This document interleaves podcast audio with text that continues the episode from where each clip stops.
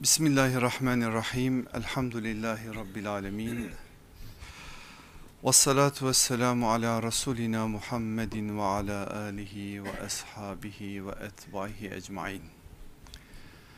Kıymetli kardeşlerim, geçen ders rüya fıkhını işledik. Biraz işin mahiyetine ait bazı konulara değindik. Hatırlarsanız aleyhissalatü vesselam Efendimizin beyanları çerçevesinde alimlerimizin rüyayı üçe ayırdığını söyledik. Onlardan bir tanesi Rahmani rüyaydı ki o rüya saliha ve sadıka rüya olarak kabul ediliyordu. Birisi şeytani rüya idi, bir diğeri ise nefsani rüya idi. Fıkha ait de beş temel madde verdim sizlere. Bugünkü konu da o beş maddenin üzerine yürüyeceği için mecburen size hızlı bir biçimde o beş maddeyi hatırlatmak durumundayım. Bugün söyleyeceklerimiz biraz daha doğru bir zeminde anlaşılsın diye. Neydi rüyanın fıkı? Birincisi rüyalar doğru anlatılmalı, mübalağadan kaçınmalı, zihinde ne kalmışsa onunla yetinilmelidir. İzahlarına girdiğimiz için geçen ders bu ders girmeyeceğim. İkincisi rüyalar herkese anlatılmamalı, bir reklam malzemesine dönüştürülmemeli, onun üzerinden farklı hesaplara girilmemelidir. Üçüncüsü başkalarını o rüya ile amel etmeye zorlamamalı, görülen rüyanın asla başkasını bağlamadığını iyice bilmelidir. Dördüncüsü kendisi gördüğü rüya ile amel edebileceği gibi etmeyeceğini de hatırından çıkarmamalı. Bunun bir tercih meselesi olduğunu iyice bellemelidir. Beşincisi ki çok önemliydi bu madde. Kimi görürse görsün, nasıl görürse görsün, eğer rüyada söylenenler İslam'ın temel esaslarına aykırı ise o rüya dikkate alınmamalıdır. Şimdi bugün bu zemin üzerinden inşallah biz konumuzu işlemeye çalışacağız. Bugünkü dersimizin serlevhası neydi?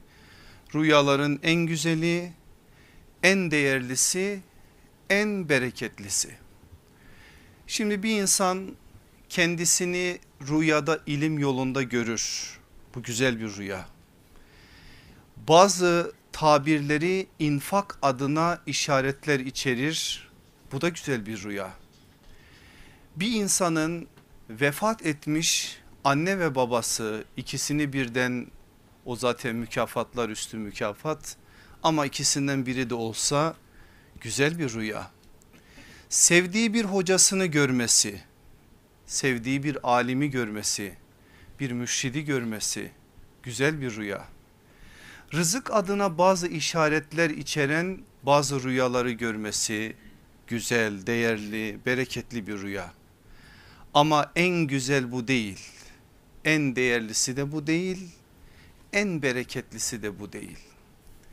Salih ve sadıka rüyaların en güzeli, en değerlisi ve en bereketlisi içinde Resulullah sallallahu aleyhi ve sellemin olduğu rüyadır. Varlığın en değerlisi o. O Hatemen Nebiyyin karanlıkları aydınlatma adına Allah ona bir görev biçmiş. Siracen münir olarak halen o görevini icra ediyor ve halen karanlıkları aydınlatıyor. Hal böyle olunca eğer teşrif ederse birinin rüyasına ve gecesine o anlar o lahzalar o insan için en güzel, en değerli, en bereketli olur. Allah bizlere de nasip eylesin. Cenab-ı Hak tadan kardeşlerimize o güzelliği bir kez daha belki de bin kez daha tattırsın. Tatmayan kardeşlerimize de bir an önce o kapıları açsın inşallah. Tadan kardeşlerimizin de o elde ettikleri güzelliğin hakkını ödemeleri adına ayaklarını sabit tutsun. Bir mükafattır ama ciddi de bir sorumluluktur. Şimdi ona ait bazı şeyleri söyleyeceğiz zaten. o sorumluluğun gereği neyse Rabbim onu da yerine getirmeyi o kardeşlerimize kolaylaştırsın inşallah. Burada sorulması gereken soru şu. Hazreti Peygamber gerçekten rüyada görülür mü? Yani bu kadar sözün arkasından bir de böyle bir soru sormanın ne gereği var diyebilirsiniz. Ama ne yapalım? Öyle bir memlekette yaşıyoruz ki kendi değerleriyle kavgalı bir nesil haline dönüştük. Böyle bir zeminde ister istemez 10 yıl önce 30 yıl önce 40 yıl önce insanların konuşmadığı duydukları anda işittik ve itaat ettik dedikleri nice meseleleri bile farklı bir biçimde işlemek zorundayız. Biraz daha işin belki hikmet boyutu daha farklı bir biçimde nazara verilmek zorunda. Çünkü böyle bir zemin var üzülerek söyleyelim. Her geçen gün daha da sıkıntılı bir hale gelen bir noktada duruyoruz ne yazık ki. E böyle bir haldeyken ne yapacağız ben de bilmiyorum. Bugün kaç tane telefona cevap verdiğimi inanın ben de bilmiyorum. Artık en sonunda telefonumu kapattım. Gençler arıyorlar hocam ne yapacağız? Ne yapacağız? Evimiz mi yanmış? Ne olmuş ki ne yapacağız? Birisi bir şey demiş. E diyen desin biz herkese cevap vermek zorunda mıyız? Herkesin söylediği bir söze biz de karşı bir şey söylemek zorunda mıyız? Böyle bir yerde mi görüyoruz kendimizi? Sonra biz nasıl bazı şeylere inanıyoruz ki ufacık bir şey duyduğumuz zaman hemen o anda bir şüpheye kapı açıyor ve o söylenenler acaba doğru mu diye kendimizi ve düşüncemizi sorgulamaya çalışıyoruz. Allah aşkına biz nasıl bir dine inanıyoruz ki bu kadar naylon bir iple bağlı ve bazı şeyler anında kopacakmış gibi bu kadar sıkıntılı bir noktada duruyor. Dolayısıyla böyle bir zeminde yaşamanın bir zorluğu var ama ben bir kardeşiniz olarak size şunu söyleyeyim buna inanın ve buna gerçekten yakin derecede güvenin bizim hiçbir meselemiz konuşulduğu zaman yüzümüzü kızartacak bir mesele değildir. Ve bizim müktesebatımız Allah hepsinden ebeden razı olsun. O alimlerimiz yolumuzun işaret taşları bize gerçekten doğru yolda nasıl doğru yürüneceğini gösteren o yıldızlar her biri attıkları adımla bambaşka bir ufuk bizlerin önüne koyup gittiler. Öyleyse eğer bize düşen de onların ayak izlerine basıp yürümektir. Biz de onu yapmaya çalışacağız inşallah. Hazreti Peygamber rüyada görülür mü? Allah Resulü aleyhissalatü vesselam söylüyor görünebileceğini. Ebu Hureyre'nin naklettiği Bukhari ve Müslim hadisi meşhur bir hadistir. Der ki orada sallallahu aleyhi ve sellem Efendimiz rüyasında beni gören gerçekten beni görmüştür. Çünkü şeytan hiçbir şekilde benim süretime giremez. Abdullah İbni Mesud'un naklettiği ve İmam Tirmizi'nin İbni Mace'nin de aynı şekilde bize aktardıkları rivayet buna yakın. Rüyasında beni gören gerçekten beni görmüştür. Çünkü şeytan hiçbir şekilde benim şeklime giremez. Son cümlede ufak bir ayrıntı var sadece. Tirmizi'nin başka rivayetleri de var bu konuda. Ahmet bin Hanbel Taberani'de sahabeden Tarık bin Eşyem'in naklettiği bir rivayet var. O biraz daha belki farklı kısa ama öz bir biçimde bir şey mesaj veriyor biz bize. Tarık bin Eşyem için de bir iki cümle söyleyeyim sadece. Kufelidir kendisi aleyhissalatü vesselam efendimizden bize dört tane hadis rivayet etmiştir. Ve gerçekten de farklı bir isimdir Allah kendisinden ebeden razı olsun. Men re'ani fil menami fakat re'ani diyor Allah Resulü aleyhissalatü vesselam. Beni rüyasında gören gerçekten de beni görmüş olur diyor. Bu hadislerin hepsinin kaynağını ben notlarda vereceğim oradan bakarsınız. Yine Bukhari'de geçen bir hadiste Ebu Said el-Hudri ve Ebu Katade ayrı ayrı naklediyorlar bunu. Men ra'ani fakat ra'al hakka beni rüyasında gören gerçekten beni görmüştür. Hadisler bu kadarla değil başka da var ama bu kadarla iktifa edelim. İki temel mesajı var. Allah Resulü aleyhissalatü vesselam rüyada görülebilir. İkincisi şeytan asla rüyada Hazreti Peygamber'in şekline giremez. Şimdi bu hadisler üzerinden değerlendirmeler yapılıyor İslam dünyasında. Ben de o değerlendirmelere hem değineceğim hem de cevap adına bazı şeyler söyleyeceğim.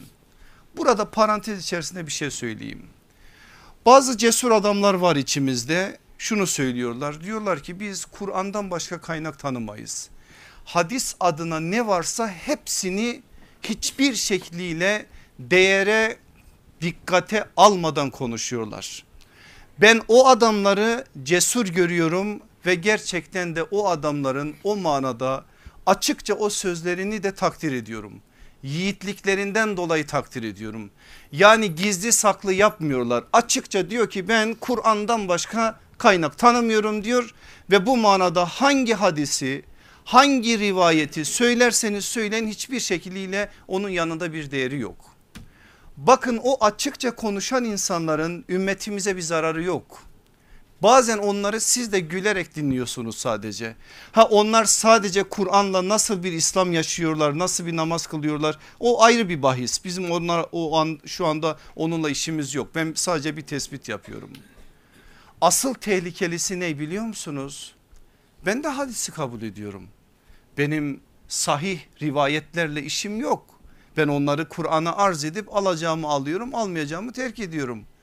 Böyle diyerek sanki ilmi bir mülahaza varmış gibi konuşan ve bunun üzerinden değerlendirmeler yapan bunun üzerinden de bazı yaldızlı sözler söyleyen bunun üzerinden de bir ilk görüşte mantıklı gibi gözüken farklı bir biçimde ifadeler söyleyen insanlar şu anda sıkıntılı ve biz bu sıkıntıyı şu anda en derin bir biçimde yaşıyoruz. Yoksa belli bir biçimde bir usule bağlı bir, bir, bir şekliyle bu manada bir şeyler söylense sizin de ona söyleyeceğiniz bir şey olur. Bir şeye davet edersiniz belli bir usul çerçevesinde tartışılır, konuşulur, anlaşılır ya da anlaşılmaz.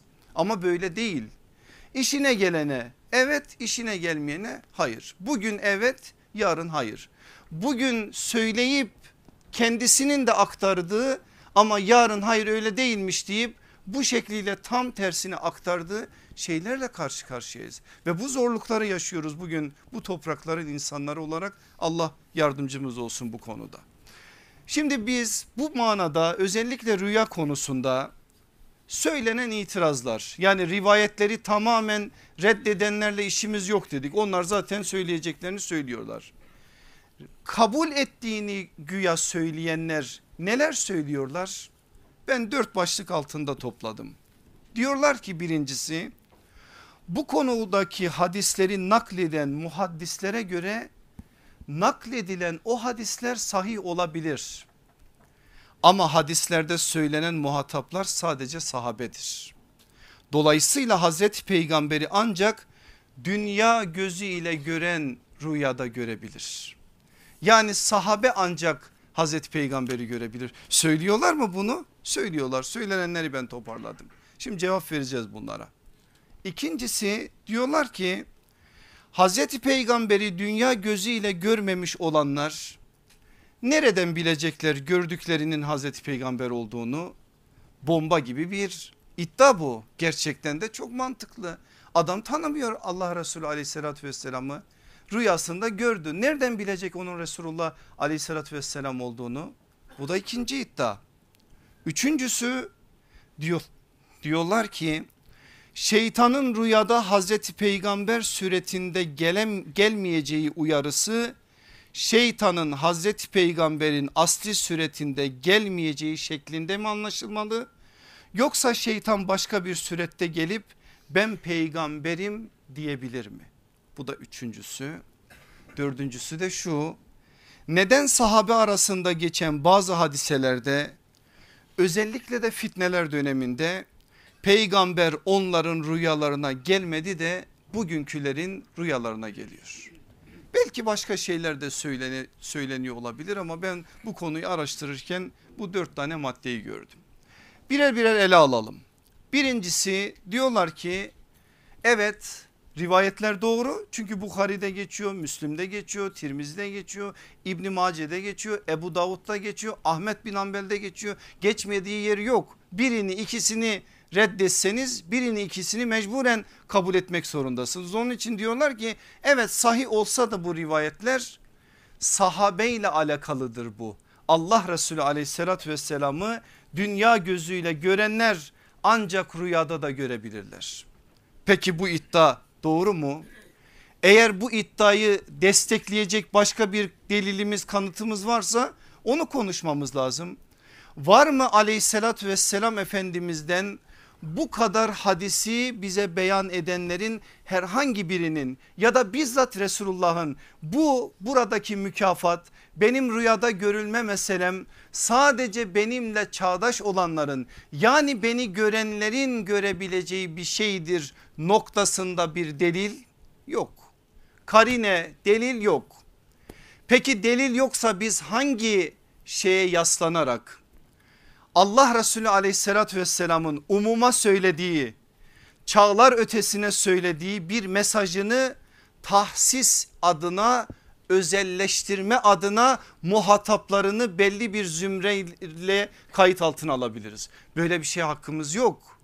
Belki benim şu söyleyeceğimi biraz ağır görebilirsiniz ama araştırdığınız zaman niye bunu söylediğimi göreceksiniz. Ayetleri ya da hadisleri ayetleri ya da peygamber sözlerini tahsis etme işi Yahudilerin işiydi ve bu onları Yahudileştiren bir alametti.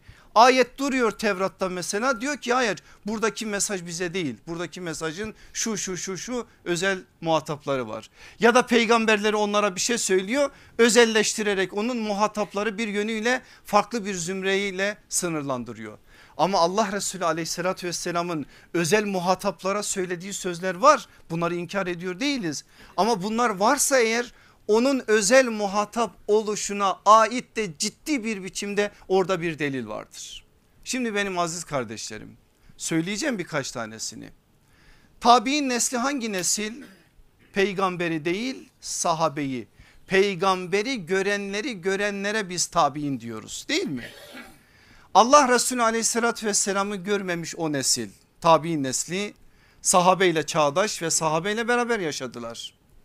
Yok mu mesela tabi'in neslinden peygamber sallallahu aleyhi ve sellemi rüyasında gören ve tabir etmesi için de sahabeye gelip rüyalarını anlatan onlarca rivayet söyleyebiliriz. Ama bir tane tabi'in neslinin o rüyaları anlatılırken sahabeden şöyle bir şey okumuyoruz. Sen Resulullah'ı görmedin niye bu rüyayı anlatıyorsun? Görmediğin insanı nasıl sen rüyada görebilirsin? Böyle bir söz okumuyoruz. Hatta sahabede şunu okuyoruz. Geliyor mesela tabiinden birisi. Ey Allah Resulü'nün ashabından olan zat diyor ismi neyse onu da söylüyor. Bu gece ben Resulullah'ı gördüm. Nasıl tabiinin o sözünün arkasından sahabinin tavrı biliyor musunuz? Ayağa kalkıyor, seviniyor, sarılıyor. Artık karşıdaki insanla hukuku ne çerçevedeyse o manada bir yakınlık ortaya koyuyor. Hele anlat bakalım diyor. Zaten sallallahu aleyhi ve sellem de demişti beni rüyada gören gerçekten beni görmüş olur. Hele anlat bakalım diyor anlattırıyor. Sonra da soruyor gördüğün o şahıs hangi özelliklere sahipti diyerek Allah Resulü aleyhissalatü vesselamın şekline şemaline ait bazı bilgileri alıyor test ediyor. Evet testten geçti diyerek o manada artık tabir neyse o tabiri söylüyor. Onlardan bir örnek tabi'in neslinden Külab İbni Şihab bir gün görüyor. Geliyor tercümanul Kur'an olan Abdullah İbni Abbas'ın yanına aynen biraz önce size aktardığım tablo gibi İbn Abbas'a söyleyince İbn Abbas seviniyor. Hele anlat diyor başlıyor anlatmaya. Hele gördüğün şahsı bir tarif et diyor. Biraz tarif ediyor. Saçı şöyle, sakalı böyle, boyu böyle, kaşı şöyle, konuşurken şöyle yaptı bir şeyler söylüyor. Sonra da diyor ki İbn Abbas bir şey söylesem kızar mısın bilmiyorum ama aynı torunu Hasan'a benziyordu. Bunu duyar duymaz İbn Abbas ne yapıyor biliyor musunuz? Kalkıyor bir daha sarılıyor. Vallahi diyor doğru söyledin o torunu aynen ona benzerdi. Bir yönüyle tasdik ediyor Allah Resulü aleyhissalatü vesselamı gören o gözler görmeyip de rüyada gören o gözleri bir yönüyle tasdik ediyor o verdiği bilgiler çerçevesinde. Dolayısıyla aziz kardeşlerim sahabeyle sınırlı olmadığını bunun bir mükafat olduğunu ilahi bir ikram olduğunu bazen mübeşşirat olduğunu müjde olduğunu hatırlayın geçen ders yine söyledim bunu bazen de ikazı rahmani olduğunu yani Rahman olan Allah'ın bir yönüyle o kulunu ikaz etme adına mesajlarını ulaştırmanın vesilesi olduğunu bu şekliyle anlıyoruz. İkincisine gelelim. Hazreti Peygamberi dünya gözüyle görmemiş olanlar nereden bilecekler rüyada görünenin Hazreti Peygamber olduğunu? Aslında biraz önce aktardığım o rivayette örnek var ama yine başka bir örnek daha vereceğim. Hattat olan bir tabiim var Musaf yazmasıyla meşhur bu isimleri vereyim ki ilimle uğraşan kardeşlerim biraz araştırsınlar. Yezid el Farisi Basra'da Abdullah İbn Abbas o günlerde oranın valisi onun yanına gidiyor biraz önce aktardığım gibi Allah Resulü aleyhissalatü vesselamı gördüğünü söylüyor. Anlatıyor rüyasını hele bir anlat diyor o gördüğün şahsı başlıyor Yezid el Farisi anlatmaya anlatıyor anlatıyor baya da detaylı anlatıyor. Nedir biliyor musunuz İbn Abbas'ın sözü söz şu eğer uyanık olarak Resulullah'ı görmüş olsaydın bundan fazlasını anlatamazdın. Tam uyanıkken görülebilecek şekliyle anlatıyorsun. Eğer Resulullah sallallahu aleyhi ve sellemi uyanık olarak da görseydin bundan fazlası senin dilinden çıkmazdı.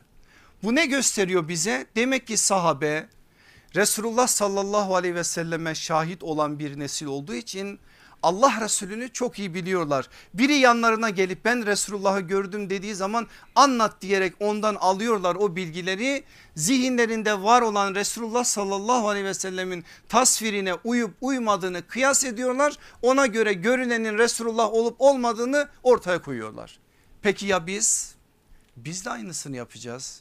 Peki biz gördük mü? Biz görmedik ama görenlerin gördüklerine ait bilgileri bugün kitaplarımızda. Bugün bizim siyer kaynaklarımızın en önemli alanlarından biri olan Hilye ve Şemail kitapları birçok hikmete bağlı olarak ele alınmıştır. O hikmetlerden o sebeplerden bir tanesi de budur. Hilye rivayetlerinde Allah Resulü aleyhissalatü vesselam öyle detaylı anlatılır ki inanın gözünüzü böyle kapattığınız zaman o söylenenlerle Efendimiz aleyhissalatü vesselamı bir şekliyle zihninizde bir yerlerde tasvir edebilirsiniz. Şimdi bir şey söyleyeceğim ama korkarak söylüyorum. Biz bizeyiz bu kameraları dikkate almadan söyleyeyim. Adli bir vaka olduğu zaman görgü şahitleri o suçluyu tespit etmek için ne diyor yapıyorlar? Ne gördün diyerek birkaç şey alıp bir robot resmi çiziyorlar. 3-4 tane şeyden bir resim elde edilebiliyor ve gerçekten de çoğu zaman görülene çok yakın bir biçimde bir resim ortaya çıkıyor. Şimdi 3 tane rivayet var bizim elimizde bu konuda çoktur da özellikle 3 tane önemli rivayet var. Hazreti Ali'nin Resulullah'ı tasvir ettiği rivayet. Hicret yolunda o duraklardan biri olan Ümmü Mabet anamızın çadırında biraz istirahat edip gittikten sonra Ümmü Mabed'in kocasına aktardığı nasıl misafirler geldi diyerek aktardığı rivayetler. Bir de Hazreti Hasan'ın dayıcığım diyerek hitap ettiği Hatice anamızın ilk eşinden olan Ebu Hale'nin oğlu Haris, Haris bin Ebu Hale'nin rivayeti üç tane rivayet hilye konusunda şemail konusunda elimizdeki en güçlü rivayetlerdir. Dediğim gibi başka da var. Onlara dikkat ederek bakarsanız Allah Resulü aleyhissalatü vesselamın bu manada şeklini çizilebilir. Ama bu caiz değil zaten. Asla bu manada hiçbir şeye cevaz verilmez. Bir filmde de aleyhissalatü vesselam Efendimiz temsil edilemez. Bu da caiz değildir. Bu rivayetler neye yarar? Bu rivayetler işte buna yarar. Gördün mü Allah Resulü aleyhissalatü vesselamı gördün. Açacaksın hilye kitaplarından bir tanesini okuyacaksın bakacaksın gerçekten gördüğün Allah Resulü aleyhissalatü vesselam mı yoksa başka biri mi? Eğer gördüğün o rivayette aktarılana uyuyorsa boyuyla, saçıyla, sakalıyla, gözüyle, her haliyle, her endamıyla kurban olalım o adımlara, o hale, o endama. Eğer uyuyorsa sen Allah Resulü aleyhissalatü vesselam'ı görmüşsün. Yok eğer uymuyorsa sen Resulullah'ı görmemişsin. Peki gelen Resulullah diye gelebilir sana. Gelebilir ama onun başka başka tabirleri vardır. O rüyalar da boş değildir. Bakın parantez içerisinde ona da onu da söyleyelim. Mesela gördün birini aynen Habeşli Bilal gibi gördün radıyallahu an. Ama peygamber gibi görüyorsun. Simsiyah bedeniyle o sana peygambermiş gibi konuşuyor. Sen de rüyandan uyandığın zaman Allah Resulü aleyhissalatü vesselamı görmüş gibi bir ruh halindesin. Ne yapmalısın o rüyayı herkese değil geçen dersi hatırlayın tabir ve tevil konusunda ehil olan bir insana anlatmalı. Ben peygamberi gördüm ama Bilal gibi gördüm diyerek onu tabir etmelisin. Görürsün peygamber sallallahu aleyhi ve sellem yani gördüğünü zannedersin bembeyaz bir sakalı var. O peygamber değil. Efendimiz aleyhissalatü vesselamın sakalı hiçbir zaman bembeyaz olmadı. Vefatına yakın bir dönemde dahi sahabenin aktardığı bir bilgidir bu. Biz sakalındaki beyaz telleri sayabilirdik. O kadardı. 14 taneydi 15 taneydi. Neyse bu kadardı. Eğer bembeyaz gördün ve o peygamber diye sana geldiyse sen onu yine ehil birine rivayet ettirmelisin. Daha doğrusu tabir ettirmelisin. Sakalsız gördün bir şahsı peygamber diye gördün aynı şekilde bir kolu yok diye gördün bunlar var yani görülmüş rüyalardan ben size örnekler veriyorum. Başka bir millete mensup olarak gördün. Mesela gözleri çekik gibi gördün. Mümkün mü görülebilir mi? Görülebilir. Ama bunların hiçbir tanesi peygamber sallallahu aleyhi ve sellem değil. Peygambermiş gibi gözükür sana farklı bir mesajı vardır. O ehil bir tabircinin bir teviline muhtaçtır. O başka mesajları söyler.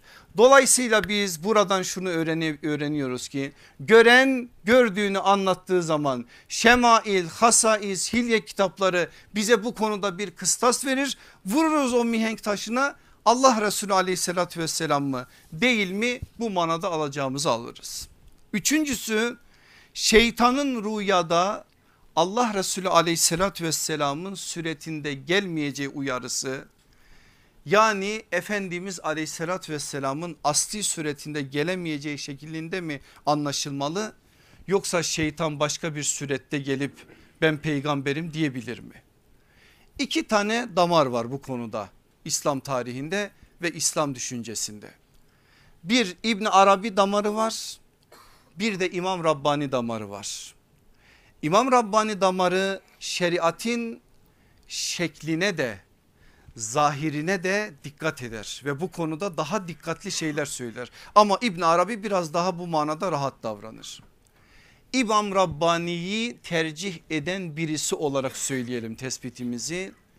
Allah Resulü aleyhissalatü vesselamın asli suretinde gelemez şeytan. Ama başka bir surette gelerek kendisini peygamber diye yutturmaya çalışabilir. Orada da söylenen söze bakılır. Eğer şeriatın temel esaslarına aykırı bir şey söylüyorsa gelenin peygamber olmadığı anlaşılır.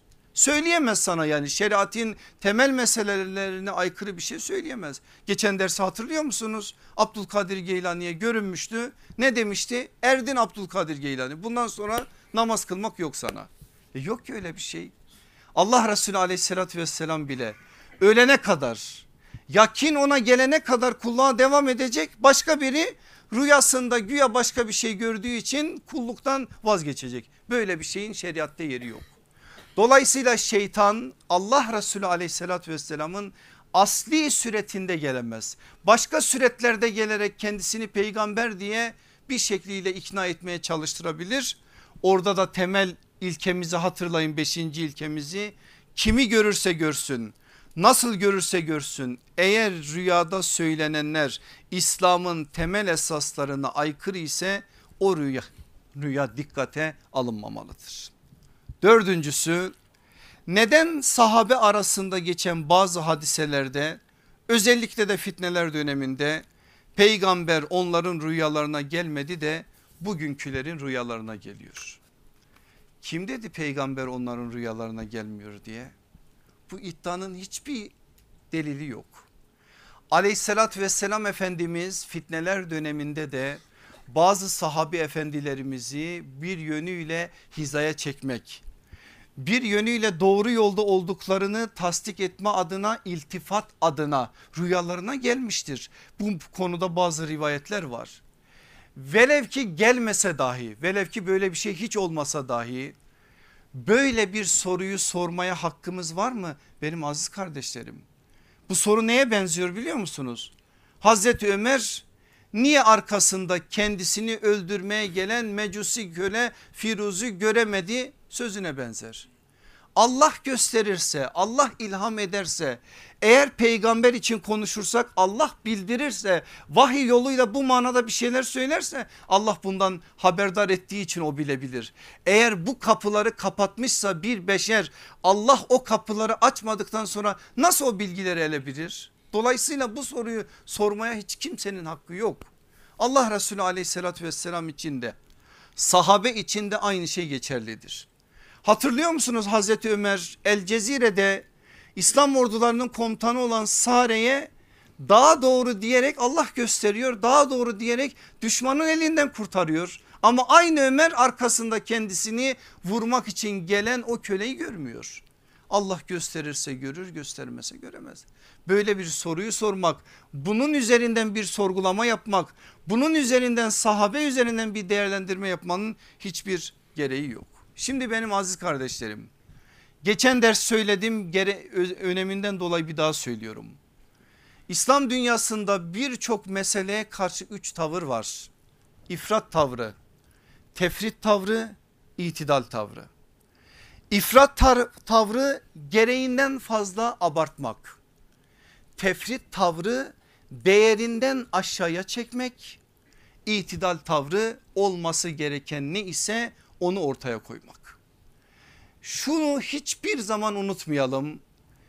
İtidal tavrı dışındaki ifrat ve tefrit tavırları birbirlerinin zıttı gibi gözükse de biri bir uçta biri bir uçta biliyorsunuz böyle gözükse de birbirlerine düşman gibi gözükse, gözükseler bile birbirlerini tenkit ediyor eleştiri, eleştiriler yağdırıyor ya da başka şeyler yapıyor olsalar bile birbirlerini destekleyen iki uçtur. Çünkü biri olmazsa biri olmaz.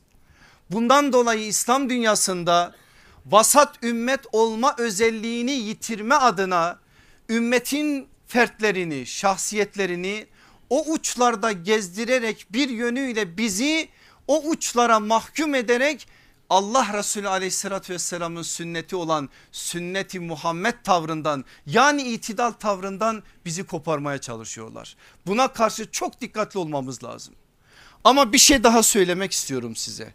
Göstererek aynen Allah Resulü aleyhissalatü vesselamın bazen bazı şeyleri gösterdiği gibi ben de göstererek söylemek istiyorum. İfrat tavrı burada. Tefrit de burada. İkisi birbirinden çok bağımsız ve iki uç itidal tavrı her zaman için orta olmaz. Çünkü itidal tavrı şişi de yakmayayım kebabı da yakmayayım gibi bir tavır değildir. İtidal tavrı işin hakkını verme tavrıdır. Hakkı buradaysa itidal buradadır. Hakkı buradaysa itidal buradadır. Ama genel anlamda da ortadadır. Vasat olmanın gereği öyledir ama bazen bu taraflarda da olabilir Önemli olan ortada olma meselesi değildir. Önemli olan o meselenin hakkı neyse onu yerine getirme meselesidir. Bu uçlarda olanlar birbirlerine karşı gibi gözükseler de birbirlerini besliyorlar.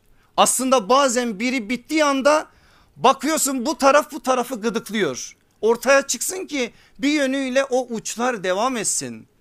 Dolayısıyla bu manada uçlara doğru bir yönüyle yatırım yapanlar ve bizi uçlara doğru sevk edenlere karşı bizim ümmet olarak çok uyanık olmamız lazım. Sünneti Muhammed'le kaimdir ümmeti Muhammed öyleyse eğer bizim yolumuz peygamber yoludur sallallahu aleyhi ve sellem sahabe yoludur. Başka hiçbir yolu biz yol olarak kabul edemeyiz. Bir meselede Allah Resulü nasıl davranmış? Onun mübarek ellerinde yetişen sahabe nasıl davranmış bizim için de asıl olan o olmalı. Rüya meselesinde de öyle. Şimdi inkar edenler var. Her şeyi rüyaya bağlayanlar var. Adam mesela inkar eden diyor ki böyle bir şey yok. E bir de rüyayla rüyayla yatıyor rüyayla kalkıyor. E bir adam her şeyi rüyaya bağlarsa ne yapması lazım? En az günde 10 saat yatması lazım. Yatan bir ümmet bu ümmeti şahlandıramaz. O uyku ahlakı meselesinde konuştuklarımızı hiçbir zaman unutmayın. Biz ümmet olarak yatakta değil meselelerimizi hayatın içerisinde çözmeliyiz. Ama birileri rüyayı inkar ederken biz de bu manada rüyayı olduğundan fazla bir yere getiremeyiz. Böyle bir şeye hakkımız yok.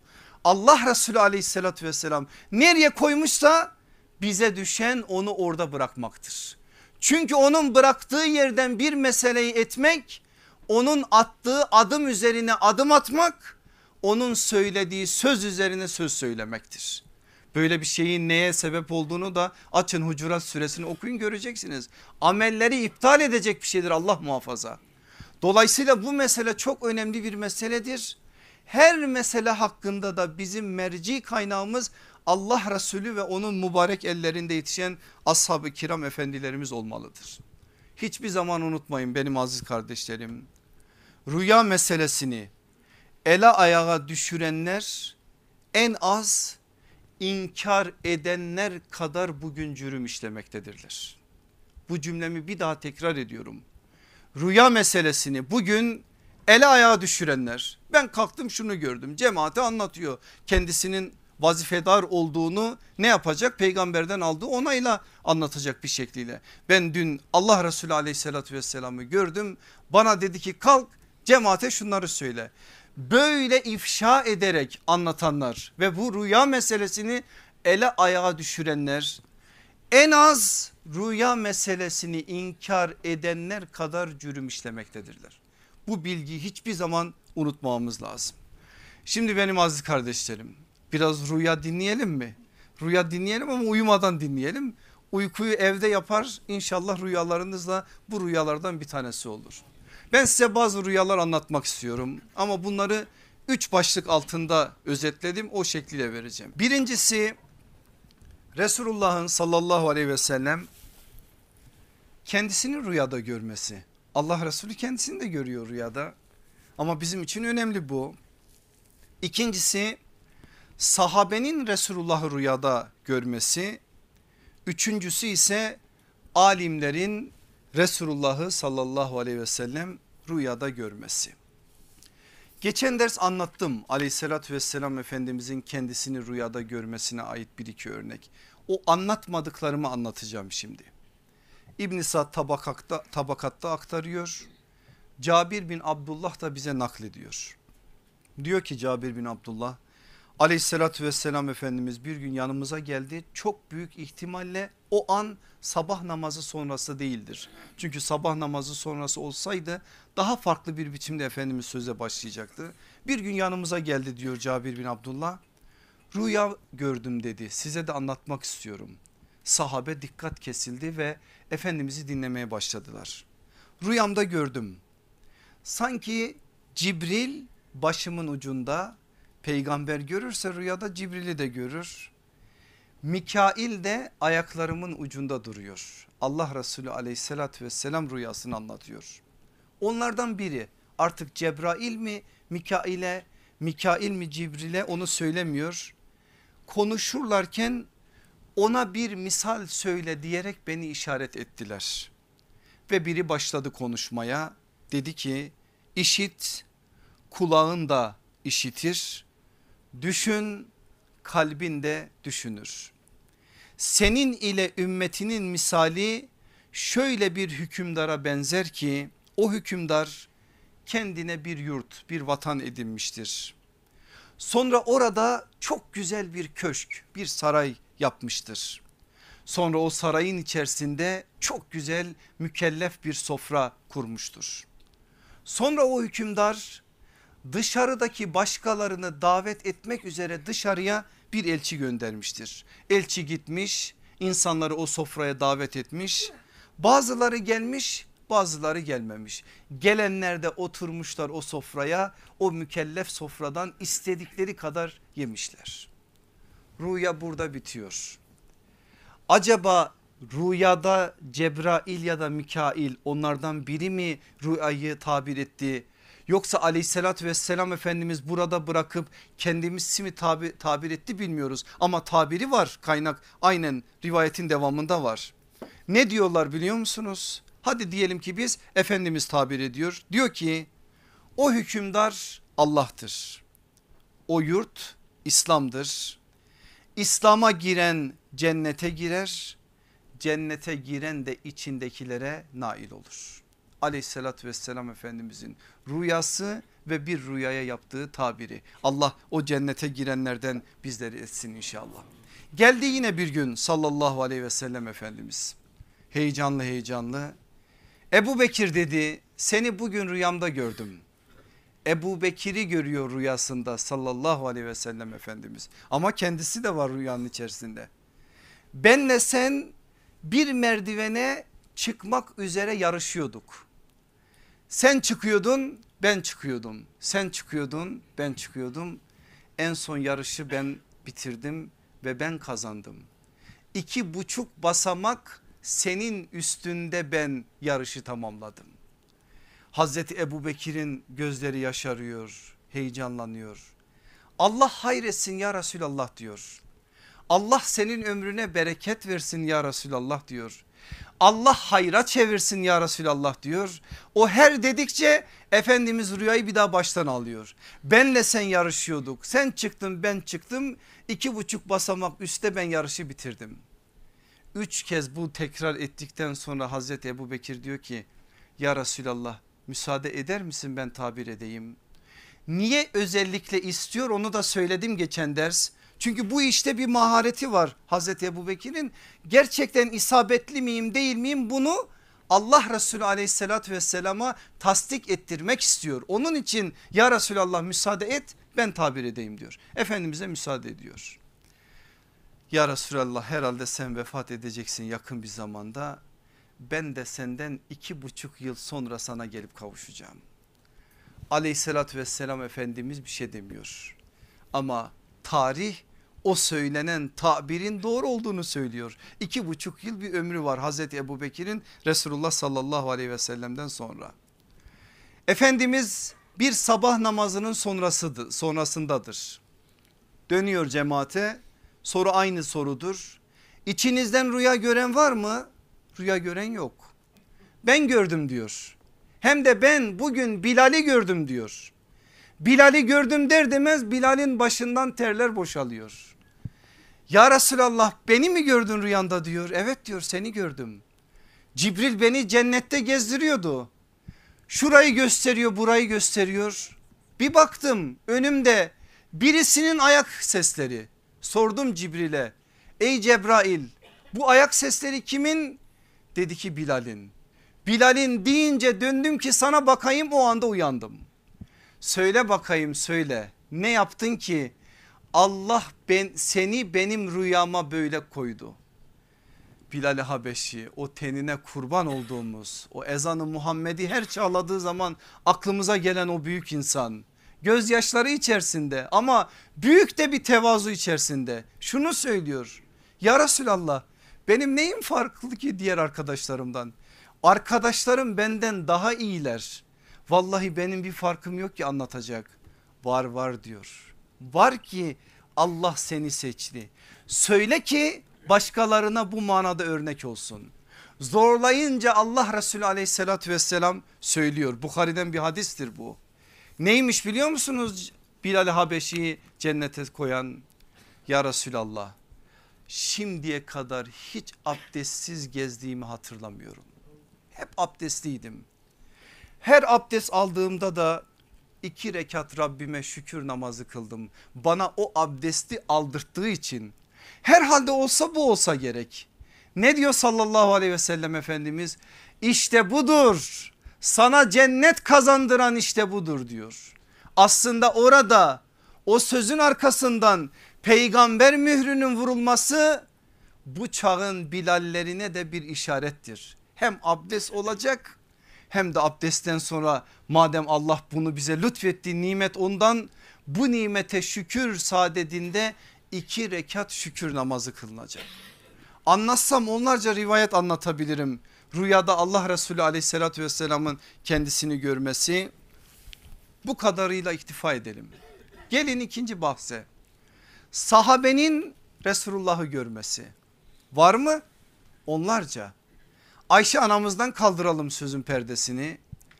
Diyor ki anamız Resulullah sallallahu aleyhi ve sellem vefat edip benim haneme biliyorsunuz o da Hazreti Ebu Bekir'in iştihadıdır. Dedi ki peygamberler vefat ettikleri yere defnedilirler oraya defnedildi. Benim odama defnedildiği günden sonra ben hep Allah Resulü'nün yanında yatıyordum diyor Ayşe anamız. Nasıl yatıyor? Onun kabri şerifi şöyle yanına seriyor bir hasır Allah Resulü'nün yanında yatıyor. Kaç zaman bilmiyoruz ne kadar ama bir gün Resulullah sallallahu aleyhi ve sellemi rüyamda gördüm. Baktım birden kabri şerif açıldı Resulullah da kabirden dışarıya çıktı. O anda da uyandım ve ben o rüyayı şöyle tabir ettim. Alimedir, alim bir babanın kızıdır, ilim evinde yetişmiştir Ayşe anamız. Herhalde Resulullah benim burada yatmamdan razı değil. Biz görsek o rüyayı başka şekillerde tabir edebiliriz. Ama dedim ya tabir meselesi çok önemli bir meseledir ve ehliyet isteyen bir iştir. Ayşe anamız orada orada alıyor mesajı. Demek ki sallallahu aleyhi ve sellem Efendimiz benim burada yatmamdan razı değil. Benim yatağımda normal odamda yatmamı istiyor diyerek o günden sonra odasında yatacaktır. Mesajlar devam ediyor. Peygamber ikliminin o güzel meltemi esmeye devam ediyor. Size Huzeyme İbni Sabit'ten bir rivayet aktaracağım. Kim bu biliyor musunuz? şehadetini iki insan yerine saymıştır Resulullah sallallahu aleyhi ve sellem. Bu ismi hiç unutmayın. İki şahittir o. Niçin? Bir gün bir ticari mesele var Allah Resulü ile bir tüccar arasında tüccar, tüccar da Yahudi ısrar ediyor. Hayır diyor sen böyle söylemedin. Allah Resulü ne kadar diyorsa böyle adam inkar ediyor. Var mı şahidin diyor. Huzeyme ben varım diyor. Ben şahitlik ederim ki Resulullah'ın dediği gibidir. Allah Resulü aleyhissalatü vesselam dönüyor. Huzeyme diyor sen şahit oldun mu ki? Gördün mü benim bu ticareti yaparken halimi? Görmedim ya Resulallah. E ben senin her şeyini tasdik ediyorum. Nasıl bu sözünü de tasdik etmem diyor. Allah Resulü de orada söylüyor. Senin şehadetin iki adam yerinedir. İki şahit olarak tarihe geçecektir o büyük insan. Geliyor. Ne diyor biliyor musunuz? Örnek olsun, şevk olsun. İnşallah zihinlerimizi zorlasın da Allah bize de o rüyaları nasip etsin. Ya Resulallah diyor bu gece rüyamda seni gördüm. Ama sen böyle uzanmıştın. Ben de namaz kılıyormuş gibiydim. Her secdemi senin alnının üzerine yapıyordum. Her secdemi senin alnının üzerine yapıyordum. Ne demiştir biliyor musunuz sallallahu aleyhi ve sellem Efendimiz? Söz yok fiil var uzanmıştır. Madem Allah sana bunu gösterdi hadi rüyan hakikat olsun. Ben buradayım gel benim alnımın üzerine secde et demiştir.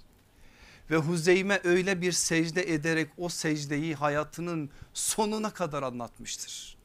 Allah Resulü aleyhissalatü vesselamla sahabe arasındaki bir bağ bu da. Başka bir örneği size aktarayım. Zor bir örnek aktaracağım şimdi size.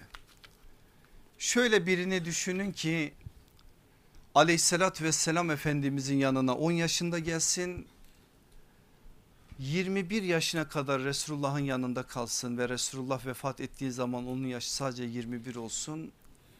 Sonra tam bir asır yaşayacak kadar bir ömrün sahibi olsun. yaşı 70-80 olduğu zaman da önünde duran Müslümanlara vallahi diyerek yeminle şu sözü söylesin. Bir gecem Resulullahsız değil. Kim bu? Enes bin Malik radıyallahu anh. Vallahi bir gecem Resulullahsız değil. Hayatımın şu anına kadar her gece Allah Resulü aleyhissalatü vesselam benim rüyalarıma teşrif etti diyor. Enes bin Malik farkıdır bu. O Enes o sevgisinin ne kadar derinlikli olduğunu gösteriyor aslında. Rüya işi sevgi işidir. Yürekten derinden seven insana Allah'ın ikram edeceği bir şeydir. Neyi seversen rüyanda o olur. Enes bin Malik'in sevgilisi sevgisi o olduğu için o oluyor. Sözünü nasıl tamamlıyor biliyor musunuz Enes bin Malik radıyallahu anh? Ah diyor bir kez bir kez daha çıksam huzuruna ya Resulallah küçük hizmetkarın geldi desem o da gel Enes'im deyip beni bağrına bassa. Bir kez bu olsa başka bir şey istemiyorum diyor. O kadar özlem, o kadar sevgi, o kadar sevda. Ebu Musa el-Eşari'den bir rivayet aktaracağım şimdi size. O Basra'dadır. Medine'ye kilometrelerce uzakta kalkıyor Enes bin Malik o gün yanında ona anlatıyor. Enes diyor bir rüya gördüm. Şöyle birkaç tane kesişen yolun tam ortasındaydım. Baktım yolların hepsi kayboldu bir yol kaldı. O yolu takip ettim bir tepenin üstüne çıktım. Baktım Allah Resulü aleyhissalatü vesselam orada. Biraz daha bekledim bir müddet sonra Ebu Bekir geldi Resulullah'ın sağına geçti. Biraz sonra aşağıdan Ömer gözüktü. Allah Resulü de Ebu Bekir de gel gel Ömer diye Ömer'i yanına çağırdılar. Bilmiyorum ama herhalde bu Ömer'in vefat ettiğinin haberi olsa gerek. Yaz bir mektup gönder bakalım doğru mu diye söylüyor Enes bin Malik. Göndersem ne olur diyor. Bir müddet sonra haber geliyor ki Hazreti Ömer peygamber mescidinde bir sabah namazında bir mecusinin hançerlenmesiyle yaralanıyor sonra da şehadet şerbetini içiyor. Sahabenin rüyalarına ait Allah Resulü aleyhissalatü vesselamı rüyalarında gördüklerine dair örneklerden bir örnek. Bildiğiniz bir örnek. Bilal'in son ezanını biliyorsunuz değil mi? Bir ilk ezanı var onun. Bir fetih günü okuduğu Mekke'deki ezanı var. Bir Şam ezanı var. Bir de onun Kudüs ezanı var. En sonda onun Şam ezanı şey, son ezanı var. Hayatında çok ezan vardır da bu beş tane ezan özeldir. Son ezan nasıl olmuştur? Bilal-i Habeşi Allah Resulü aleyhissalatü vesselamın vefatından sonra kalamıyor Medine'de. Ne kadar zorluyorsa Hazreti Ebu Bekir Hazreti Ömer nasıl kalayım ki her tarafta o var diyor. Nereye bakıyorsam Resulullah var hatıralar canlanıyor. Onun için cihada gidiyor sonra Şam'a gidiyor. Ve o günlerin birinde Allah Resulü rüyasına teşrif ediyor. Bilal diyor özlemedin mi bizi bizi ziyarete gelmeyecek misin? Kalkıyor sabah yola düşüyor geliyor Medine'ye. Allah Resulü aleyhissalatü vesselamın kabri şerifini ziyaret ediyor.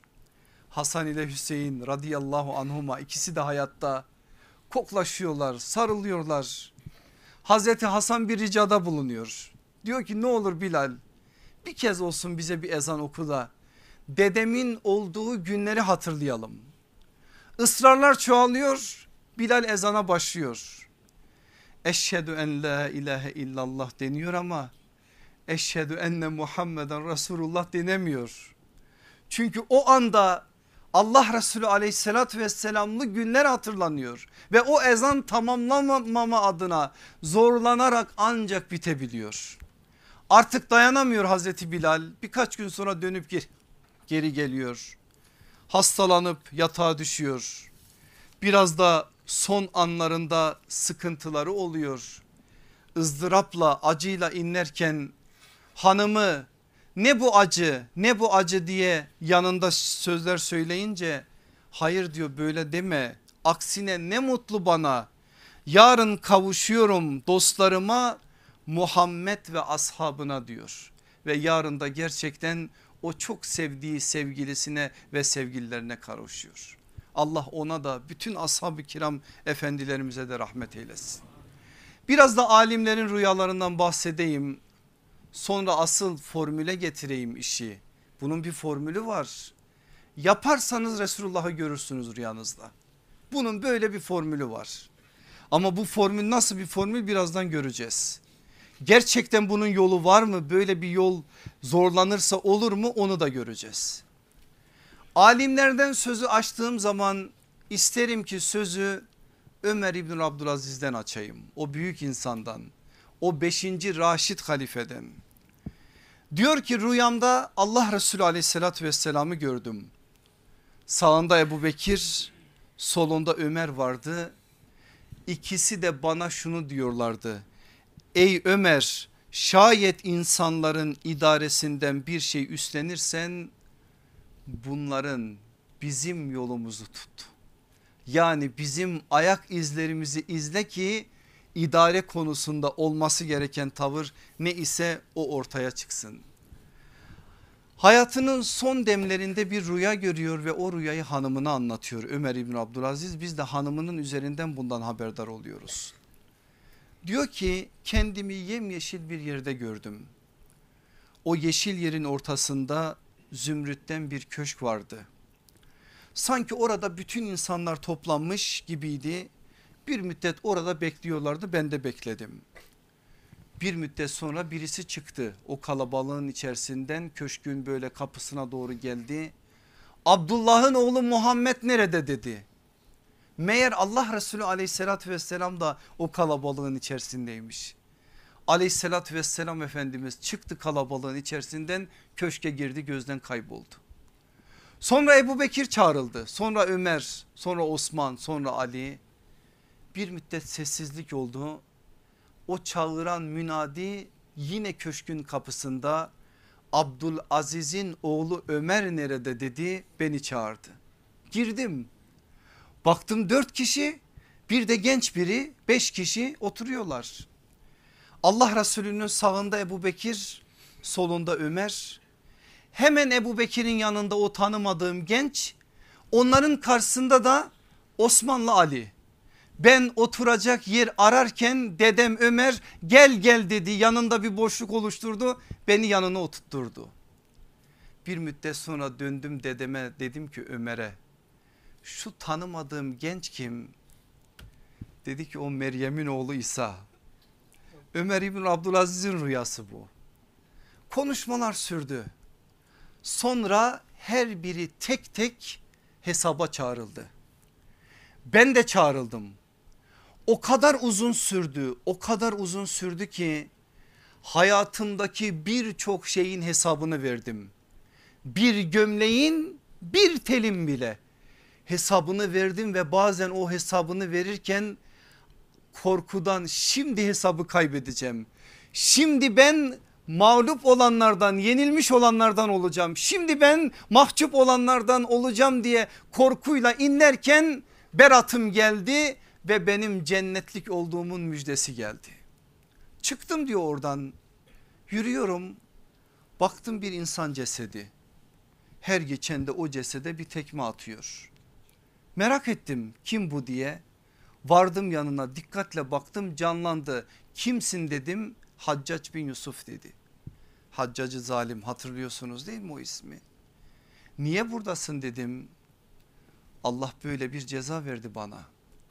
Öldürdüğüm her insan için Allah beni diriltiyor yeniden öldürtüyor. Ama beni Said İbni Cübeyr için 70 kez Allah öldürttü ve diriltti.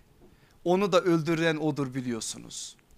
Ben de bir tekme vurdum diyor ona Ömer İbn Abdülaziz öylece yoluma devam ettim ve öylece uyandım. İslam'ın 5. Raşid halifesi o büyük insan gördüğü rüya böyle o rüyada verilen mesajlar bu şekliyle. Said İbni Müseyyep'ten bu manada güzel bir örnek var biraz hızlanacağım bu manada onu siz inşallah okursunuz. İmamımız Ebu Hanife'nin gördüğü bir rüyayı anlatayım size. görmüş bir rüya dehşetle uyanmış kan ter içerisinde kendisiyle çağdaştır ve rüya tevili konusunda da otorite bir isimdir İbn Sirin. Hemen İbn Sirin'in yanına geliyor. İbn Sirin diyor rüyamda çok dehşet bir şey gördüm. Ne gördün diyor. Allah Resulü aleyhissalatü vesselamın kabrini açıyorum. Avuç avuç oradan alıyorum bir şeyler ve sokaklara saçıyorum böyle. Avuç avuç alıyorum sokaklara saçıyorum. Bu nedir böyle? Korkma diyor ey Ebu Hanife korkma. Sen peygamberin sünnetlerini saçacaksın aleme. Ondan ilimler saçacaksın aleme. Senin elinle insanlar ondan ilimlerle tanışacaklar. Ve onu dediği zaman İbn Sirin Ebu Hanife rahmetullahi aleyh derin bir oh, oh çekecek. İmam Şafii'nin bir rüyası var. Şöyle görüyor rüyayı. Allah Resulü aleyhissalatü vesselam'ı görüyor rüyasında. Ama Efendimiz aleyhissalatü vesselam şöyle diyor İmam Şafii'ye. Söyle Ahmet bin Hanbel'e selamımı sabretsin yakın bir zamanda buluşacağız diyor. Sabah olur olmaz İmam Şafii talebelerinden birini çağırıyor. Hapiste o günler Ahmet bin Hanbel. Git diyor rüyayı aynen böyle anlat. Şu gömleği de ver ona. Çıkarsın üstünde ne varsa bu gömleği giysin. Biraz kalsın o gömlek üstünde sonra çıkarsın o gömleği sana versin al getir bana. Talebe bilmiyor tabii ne yapacak gidiyor anlatıyor Ahmet bin Hanbel'e. Ahmet bin Hanbel gözyaşları içerisinde. Demek İmam Şafii Resulullah sallallahu aleyhi ve sellemi gördü rüyasında. Demek o bana selam gönderdi. Artık benim için düğün bayram diyor. Ve ondan sonra da zaten şehadet şerbetini içiyor. Geliyor gömlek İmam Şafii'ye alıyor o gömleği kokluyor yüzüne gözüne sürüyor. Talebesi soruyor niye ey imam diyor. Bir şehidin bedenine değmiştir bu gömlek. Allah yolunda şehit olan birisinin son bedenine değen bu gömlektir. Ben bir şehidin bedenine değen o gömleği cennet kokusunu koklamak için kokluyorum diyor. Onun rüyası ona verilen müjde ve ikisinin de bu manada ortaya koydukları kamet. Gelin biraz daha bu tarafa İskilipli Atıf Efendi'nin rüyasını biliyorsunuz savunmasını yırtarak Resulullah sallallahu aleyhi ve sellemi gördüğü için rüyasında son savunmasını yapmadan şu günlerde onun şehadetinin yıl dönümüdür dar ağacına yürüyen bir yiğittir. Ya bu topraklara iman tohumu eken Bediüzzaman'ın Allah Resulü aleyhissalatü vesselamı gördüğü onlarca rüya onları da biliyorsunuz. Ben sadece bir tanesini size aktarıp asıl söze getirmek istiyorum sözümü. Diyor ki meşhur Ağrı Dağı denen, denilen Ararat Dağı'nın altındaydım. Birden o dağ müthiş infilak etti. Dağlar gibi parçaları dünyanın her tarafına dağıttı. O dehşet, içinde baktım ki merhum validem yanımdadır. Dedim ana korkma Cenab-ı Hakk'ın emridir. O rahimdir ve hakimdir. Birden o haletteyken baktım ki mühim bir zat. Kim o zat? Kurban olduğumuz zat. Allah Resulü aleyhissalatü vesselam bana diyor ki icazı Kur'an'ı beyan et. Uyandım anladım ki büyük bir infilak olacak. O infilak ve inkılaptan sonra Kur'an etrafındaki surlar kırılacak. Doğrudan doğruya Kur'an kendini müdafaa edecek ve Kur'an'a hücum edilecek. İcazı onun çelik bir zırhı olacak ve şu icazın bir nevini şu zamanda izharına haddimin fevkinde olarak benim gibi bir adam namzet olacak ve namzet olduğunu anladım. Allah ona da rahmet etsin diğer alimlerimize de rahmet etsin. Gelin son bahsimize benim aziz kardeşlerim. Görülmenin yolu var mı? şu kadar namaz kılın. Şu kadar tesbihat çekin. Şu şu duaları okuyun. Bunları demeyeceğim.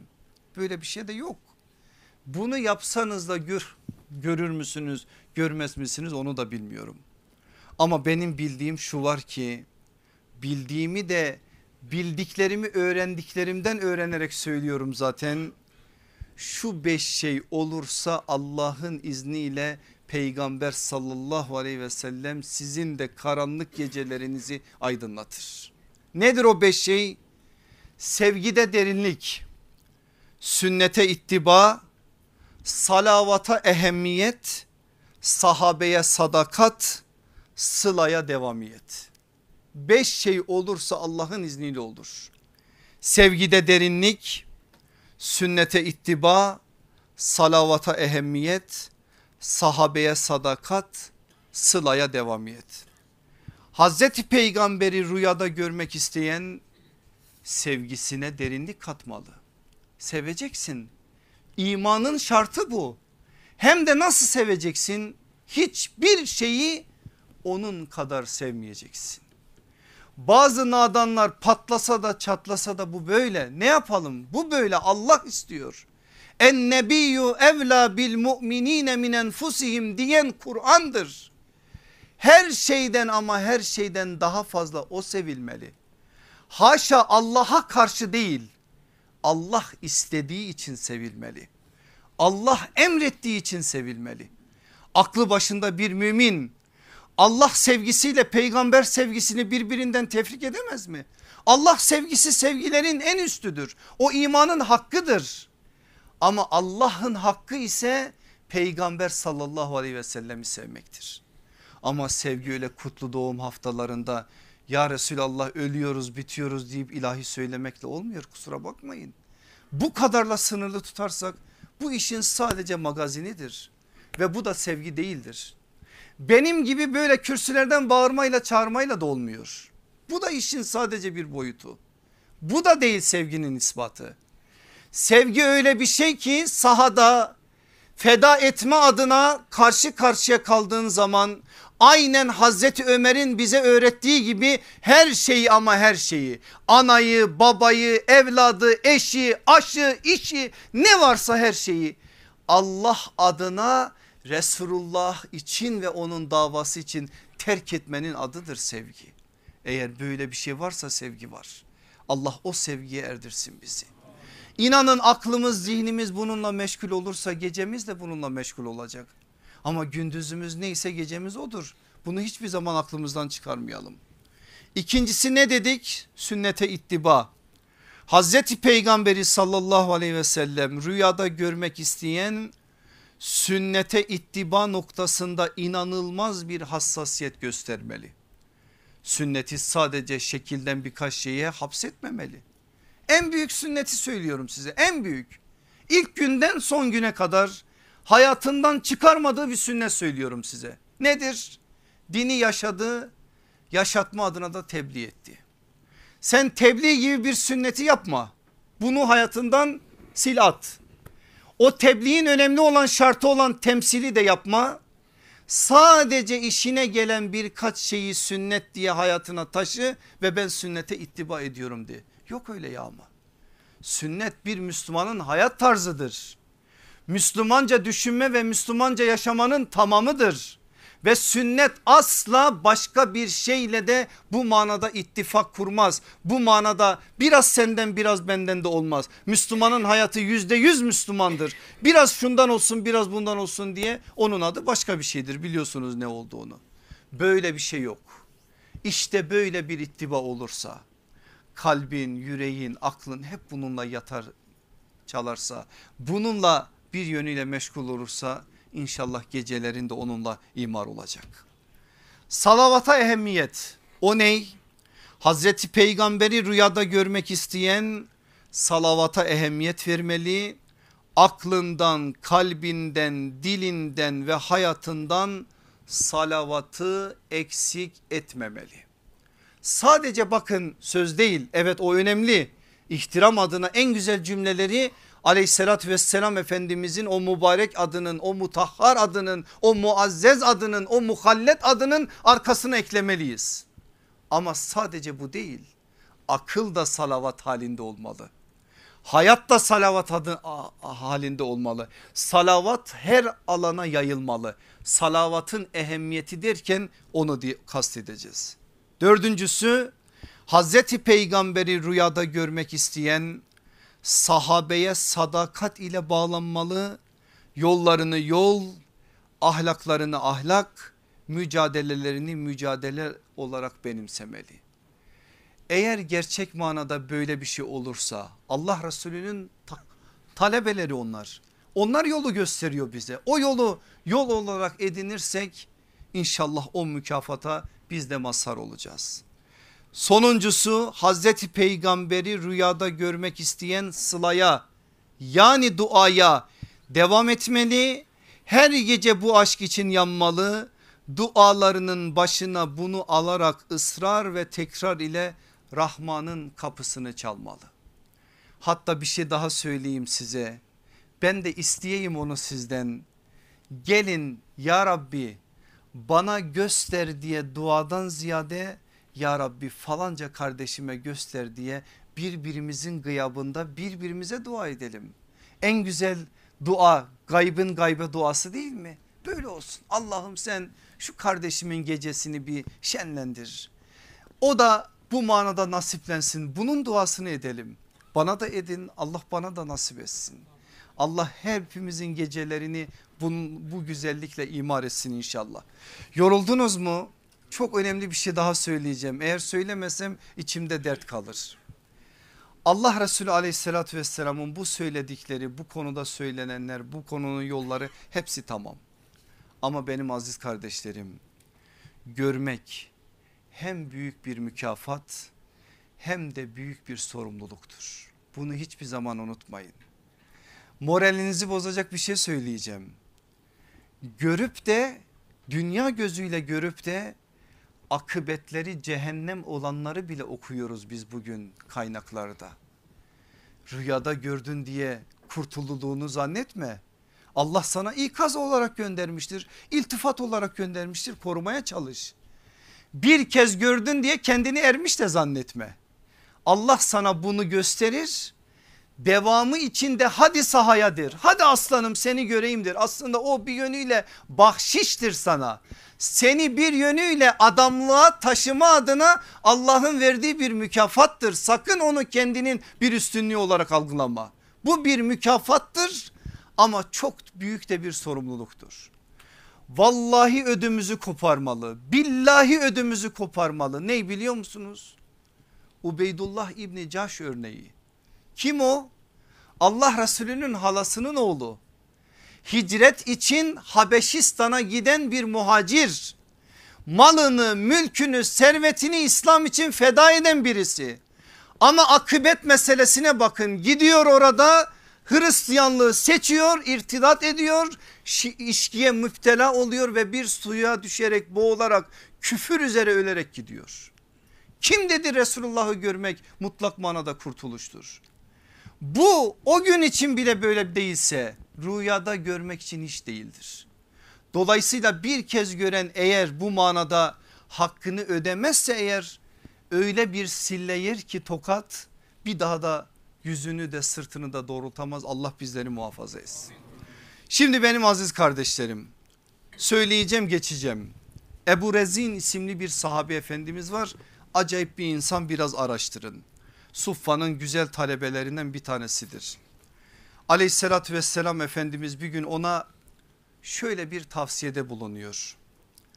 Ey Ebu Rezin yalnız başına kaldığında dilini Allah Allah diyerek hareket ettir.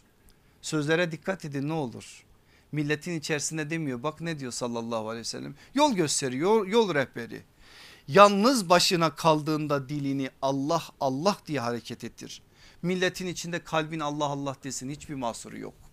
Ama yalnız başında olduğun zaman dilin kalbine eşlik etsin. Zira Rabbini zikrettiğin sürece dikkat buyurun namazdaymış gibi olursun.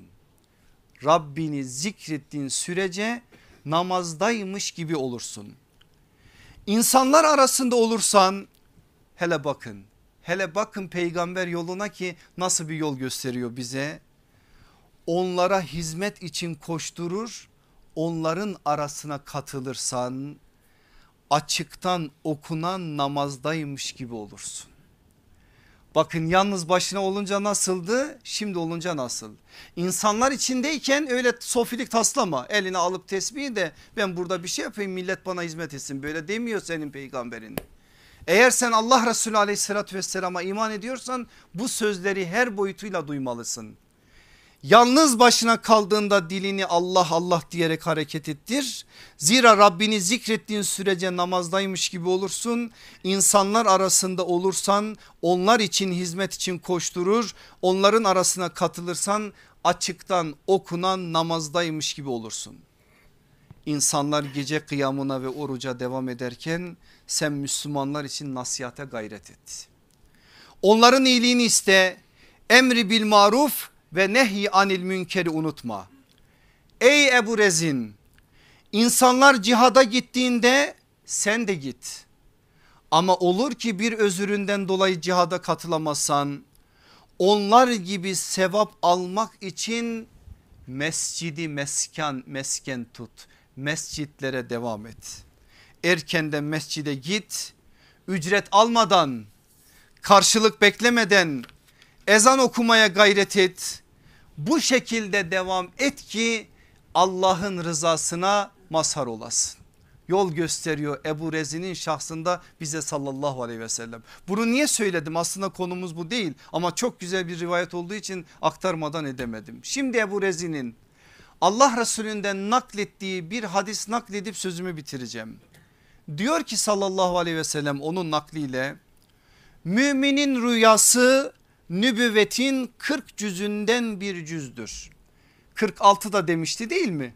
Başka rivayetlerde 70 de var ama burada Tirmizi rivayetinde 40. 40 cüzünden bir cüzdür. Bir rüya anlatılmadığı müddetçe bir kuşun ayağında takılı vaziyette durur. Dikkat edin sözlere anlatılacak olursa hemen düşer. Bir rüya anlatılmadığı müddetçe bir kuşun ayağında takılı vaziyette durur. Anlatılacak olursa hemen düşer. Ne diyor biliyor musunuz sallallahu aleyhi ve sellem Efendimiz? Anlatmayın diyor. Eğer rüyaları anlatırsanız çokça o rüyalar sizin ayak bağlarınız olabilir bazen. Gördün bir rüya bırak orada kalsın unutmaya çalış. İlle de onun peşine düşersen eğer Allah korusun o rüyanın mesajının mağlubu olabilirsin. Dolayısıyla burada Allah Resulü aleyhissalatü vesselamın böyle bir tavsiyesi var. Hadisin son cümlesi öyleyse rüyayı akıllı ve gerçekten dost olanlar dışında kimselere anlatma. Dikkat buyurun öyleyse rüyayı eğer ille de anlatacaksan varsa yanında Lebib ve Habib hadiste aynen böyle geçer. Lebib aklını kullanan Habib ise candan dost olan yanında Lebib ve Habib varsa onları anlat onlar sana zarar vermezler ama onlar yoksa eğer o rüya senin yüreğinde sır olarak kalsın kimselere de ilan malzemesine reklam malzemesine dönüşmesin. Rabbim bu ilahi bu nebevi buyrukları tutanlardan etsin gecelerimizi şenlendirsin karanlık gecelerimize peygamber mührü vursun bizi de mükafatlandırsın bizi de o mübeşşirata mazhar kılsın bizi de o iltifata eriştirsin bizi de eğer adam olacaksak o ikaz-ı rahmanilerle uyandırsın bizi bir an olsun peygamber sallallahu aleyhi ve sellem'den ve onun pak ashabından dur uzak eylemesin. Dünyada da onların yolunda kılsın. Ahirete girirken de onların arkasında yürüsün. Cennette de bizi onlara dost ve komşu eylesin inşallah. Velhamdülillahi rabbil alemin. El Fatiha